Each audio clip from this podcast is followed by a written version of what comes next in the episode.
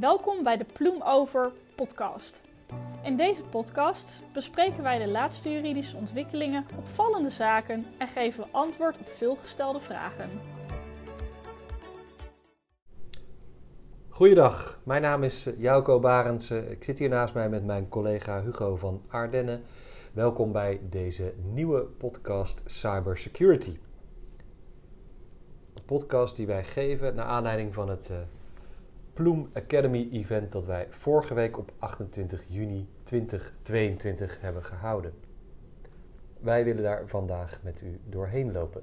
Wat uh, hebben wij daar verteld, Hugo? Uh, nou, we zijn op een aantal uh, hoofdlijnen ingegaan.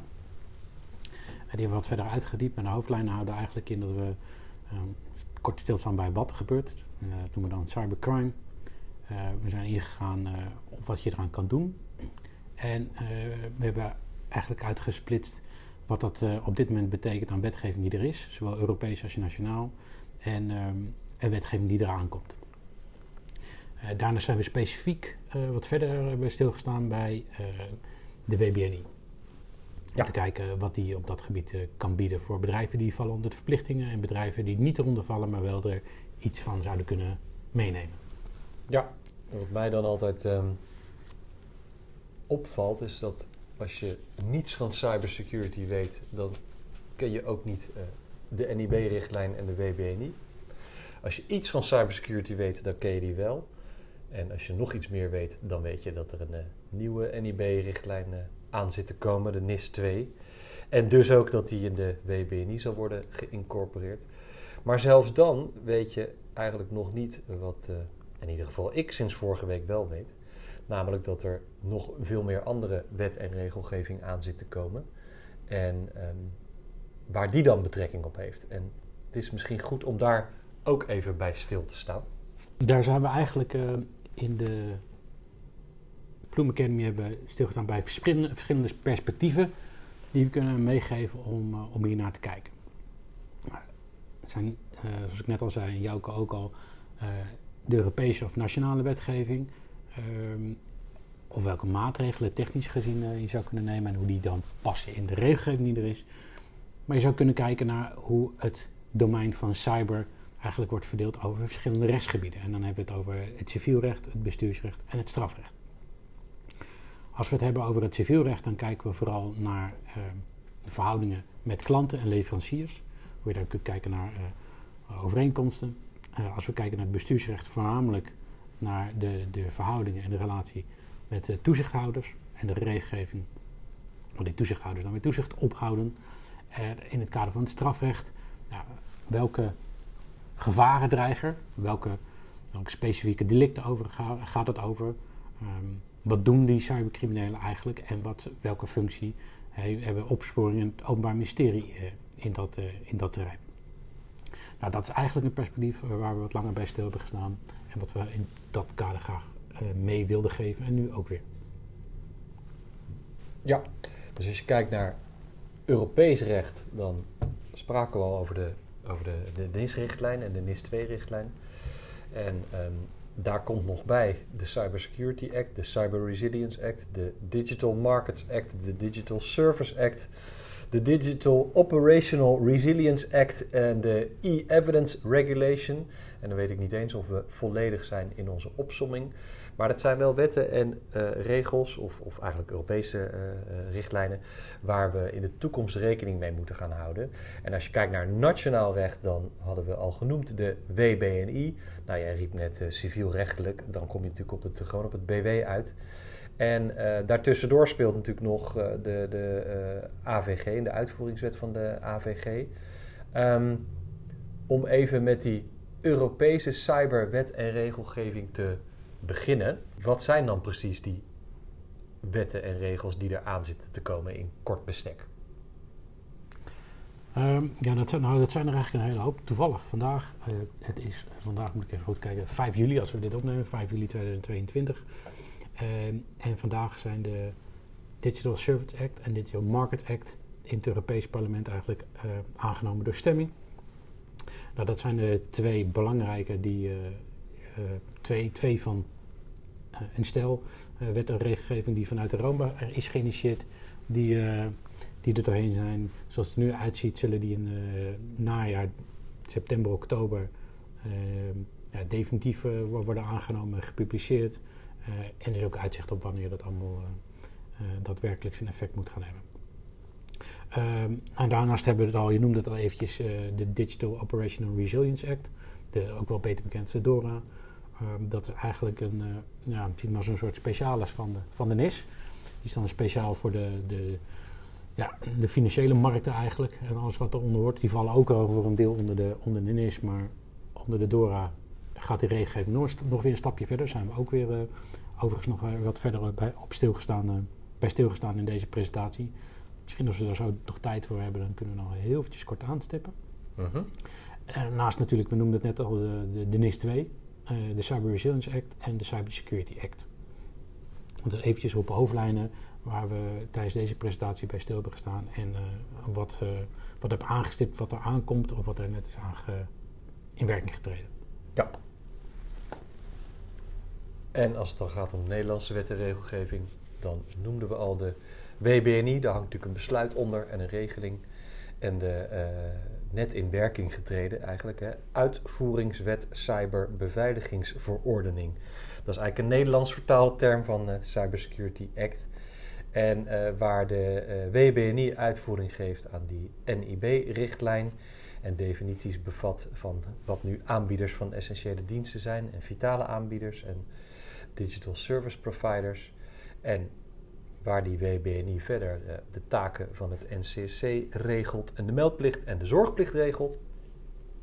Daar geeft uh, die uitvoeringswet Cyberbeveiligingsverordening uitvoering aan de Cybersecurity Act. En dan moet je denken aan uh, certificering en conformiteitsbeoordeling van allerlei ICT-producten en diensten en processen. Die wet die uh, bevat ook de verplichting voor lid, of de, de, de, de act moet ik zeggen, bevat de verplichting voor lidstaten om een uh, certificeringsautoriteit aan te wijzen. En bevat ook uh, regels die de bevoegdheid geven tot handhavend optreden. Die is echt net in werking getreden. Hè? Dat is volgens mij in mei jongstleden gebeurd. Wat ook nog goed is om te benoemen, is dat naast die twee in Nederland geldende wetten. Um, al sprake is van andere wetten waar ook bepalingen in staan van, uh, die, die uh, betrekking hebben op uh, cybersecurity. Dan moet je gewoon denken aan elektriciteitswet, gaswet, telecommunicatiewet, kernenergiewet, drinkwaterwet, wet financieel toezicht, enzovoort, enzovoort. Misschien even in twee regels, wat, wat kunnen we daar zo al uithalen als het gaat om cybersecurity? Of in meerdere regels als dat moet? Nou ja, ik zal het eerst in twee regels proberen. Ehm, want we hebben er een heel evenement over gehouden. Ehm, over de wisselwerking eigenlijk tussen specifieke bestaande wetgevingen in de BSO-sector uh, eh, en de cybersecurity regelgeving die daar overheen valt of um, in het geval van de NIS 2 uh, eh, straks aankomt. In die sector zijn namelijk al heel veel bestaande wetgeving die allerlei uh, zorgplichten formuleert waar bedrijven zich nu aan moeten houden, die met toenemende digitalisering eigenlijk ook een effect hebben op de cybersecurity. Uh, en dat is een voorbeeld van waar bestaande wetten, bestaande zorgplichten eigenlijk ook uh, moeten worden uitgelegd uh, in cybersecurity termen. Ja. En een soort spanningsveld wat je in die sector zag, maar je ziet in veel meer sectoren, zoals je terecht zegt.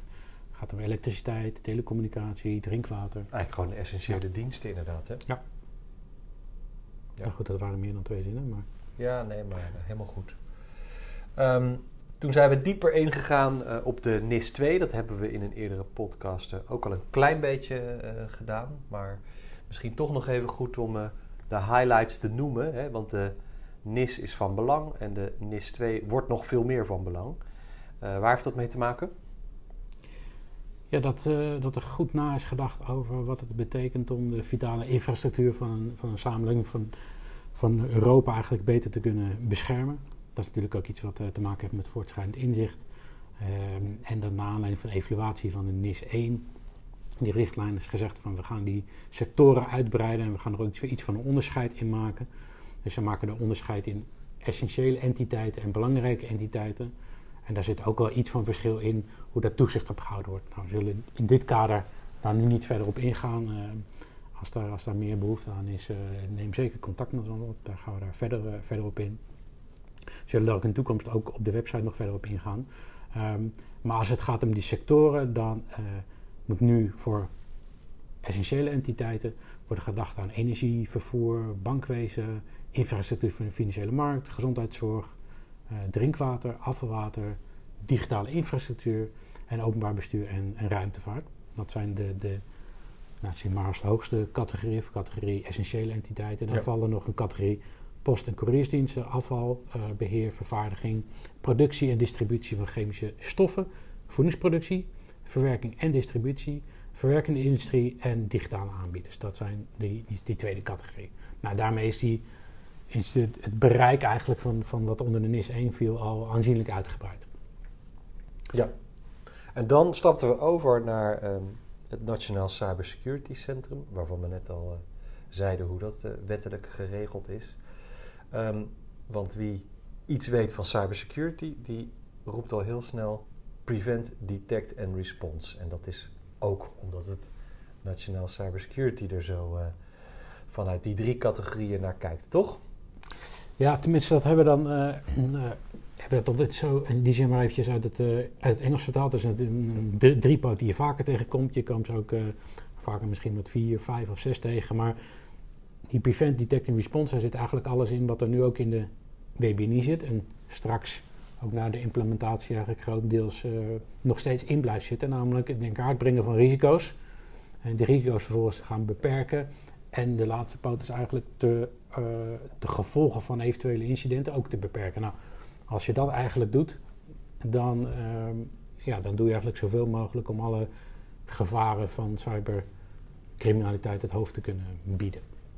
Ja, dat sluit dan ook weer aan bij de bepalingen die in de NIS 2 daarover te vinden zijn, toch? Ja, ja dat zijn eigenlijk uh, voornamelijk een governance bepaling die er nu inkomt, waarvanuit uh, ja, toch wel heel strikte bedoeling is om, om bedrijven de, de verplichting op te leggen en ook de leidinggevende binnen een bedrijf, dus de beheersorganen, eigenlijk te verplichten om zich op de hoogte te stellen, om zich te laten informeren en te trainen, om daadwerkelijk ook ja, beleid te kunnen maken en te effectueren en ook te kunnen beoordelen. Dus iets van iets van technische bagage te hebben, iets van begrip over wat die regelgeving betekent, zodat je ook daadwerkelijk ja, voldoende kennis in huis hebt om een ja, oordeel te kunnen geven en beleid te kunnen maken om je cybersecurity op orde te hebben.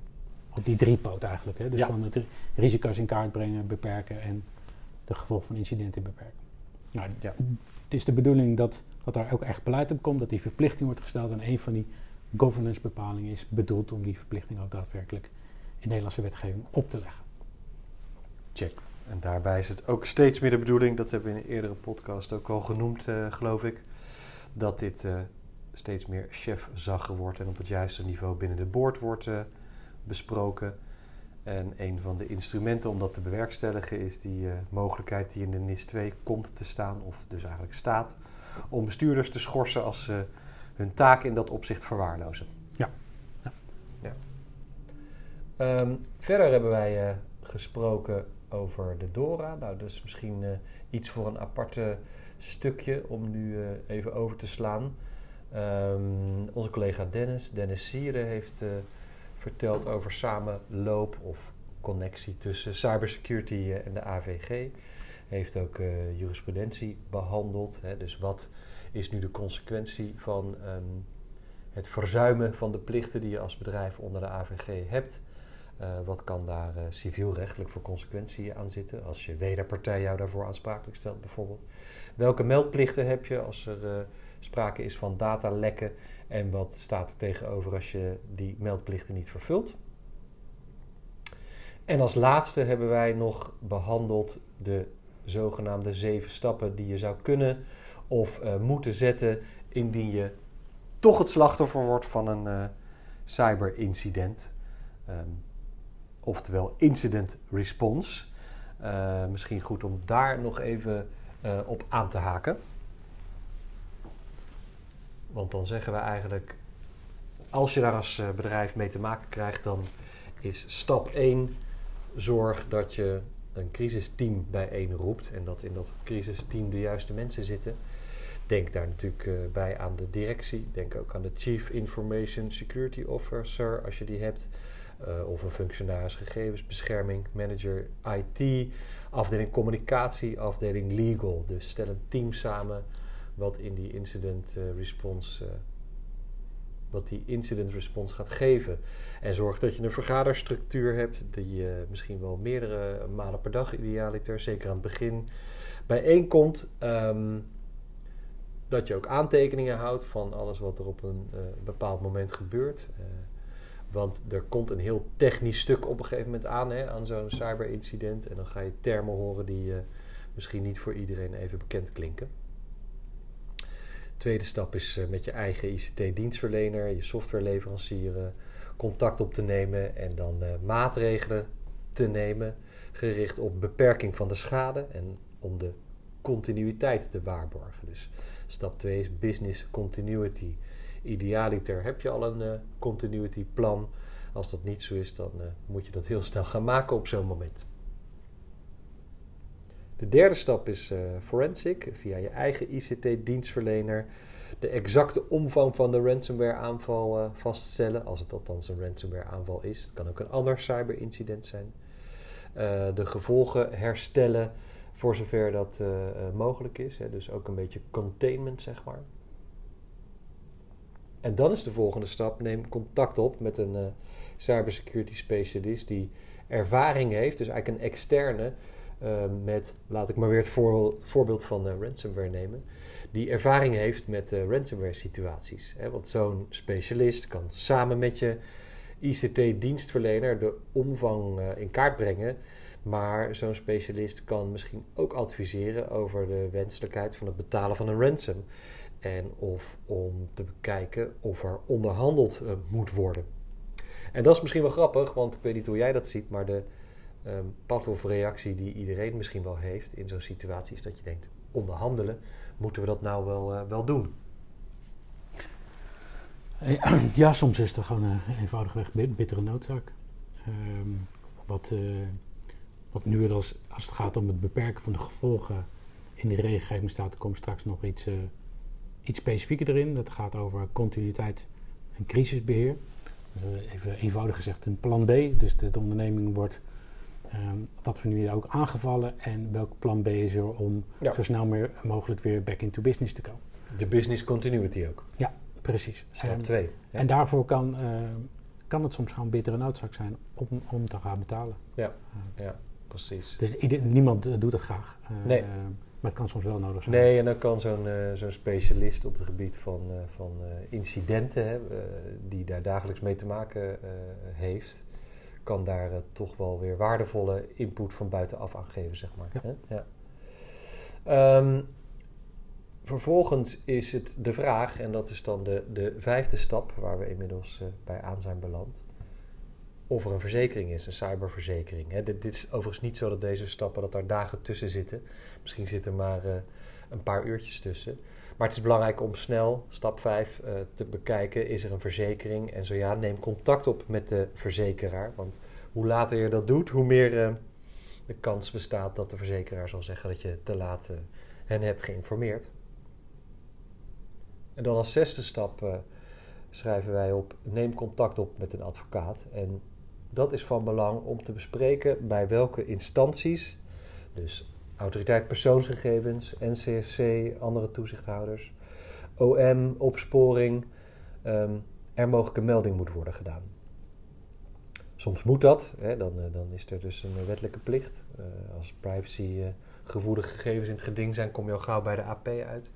Maar als je onder de WBNI valt, kom je ook bij het NCSC uit of bij een andere toezichthouder. En OM en opsporing, dat zijn natuurlijk geen instanties waar, uh, waar je moet melden, als in dat er een wettelijke verplichting bestaat. Maar waarvan je wel kunt afvragen: willen we dat? Moeten we aangifte doen? Willen we aangifte doen? Wanneer uh, is dat nuttig?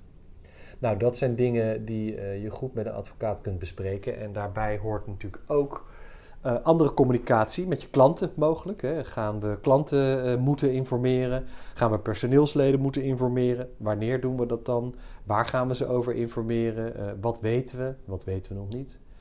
Ehm, ga je een bericht op je site zetten? Ga je naar buiten toe? Ga je de pers informeren? Nou, daar zal over het algemeen terughoudendheid in zijn. Maar bij een beursgenoteerd bedrijf kan dat natuurlijk toch weer anders zijn. Dus die zesde stap, uh, neem juridisch advies. zorg dat je juridisch advies krijgt. Die is echt van belang ook om ervoor te zorgen dat de schade niet nog groter wordt dan die misschien al is. En de zevende stap is eigenlijk een, een laatste sluitpunt. Als er melding moet worden gemaakt, dan moet je dat natuurlijk ook doen. Um, melding bij de AP moet bijvoorbeeld binnen uh, eh, 72 uur plaatsvinden.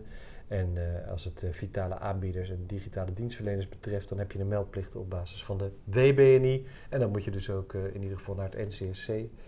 En soms ook nog naar een andere um, instantie. Um, en dan is ook weer van belang om te weten dat straks bij die inwerking treden van die, van die nieuwe NIS-richtlijn, de NIS 2 dat daar een eh, meldplicht van 24 uur in komt te staan, toch? Ja, exact. Dus dan moet je er nog uh, sneller bij zijn. Ja, ja maar zoals je terecht overigens opmerkte tijdens de Plum Academy, er zijn andere meldplichten waarbij dat nog sneller is. Dus het maakt het ja. ingewikkelder. Ja. Uh, dat je al naar gelang met wat voor soort bedrijf je te maken hebt, met wat voor soort meldplichten, dat er eigenlijk een scala aan staat aan verschillende meldplichten met verschillende termijnen die daarbij horen. Ja, precies. Ehm, dat ga je natuurlijk steeds meer zien. Hè. Als er een incident plaatsvindt uh, waarbij ook de wet milieubeheer bijvoorbeeld in het geding is, dan heb je een, uh, een andere meldplicht. En dan ben je echt te laat als je na 24 uur pas melding doet. Dan moet dat uh, zo snel mogelijk. En dan is een, een half uur is al, is al lang bij wijze van spreken. Ja. Oké, dat was dus de Ploem Academy van vorige week. We zijn er nu in vogelvlucht doorheen gewandeld. Uh, het stuk eh, van, uh, van Dennis hebben we, hebben kort genoemd, maar dat zou Dennis zelf nog veel langer kunnen beschrijven natuurlijk. Wij gaan deze Ploem Academy zeer waarschijnlijk nog een keer digitaal overdoen in de vorm van een, van een webinar. Um, de precieze datum staat nog niet helemaal vast, maar dat zou zomaar begin september kunnen worden. En um, het is goed om dat vast te melden. Als u daarvoor belangstelling heeft, dan kunt u zich via de website daarvoor aanmelden. De link uh, moet nog komen, maar zal binnenkort uh, wel verschijnen. Um, en overigens verwijzen wij ook iedereen graag naar onze website om uh, in de gaten te houden welke actuele ontwikkelingen er nog, nog meer zijn op het gebied van cybersecurity. En de nieuwsbrief natuurlijk. En in de nieuwsbrief waar u zich op kunt abonneren, besteden we ook regelmatig aandacht aan het onderwerp. Um, want nu is er ook onlangs bijvoorbeeld weer een dreigingsbeeld uitgekomen. Ja, gisteren. En uh, daar zullen we binnenkort uh, ongetwijfeld ook wat meer over zeggen. Ja. Maar tot zover was het uh, voor vandaag. De podcast voor nu zit erop. Um, rest ons iedereen een fijne dag en mogelijk ook fijne zomervakantie te wensen. En tot daarna.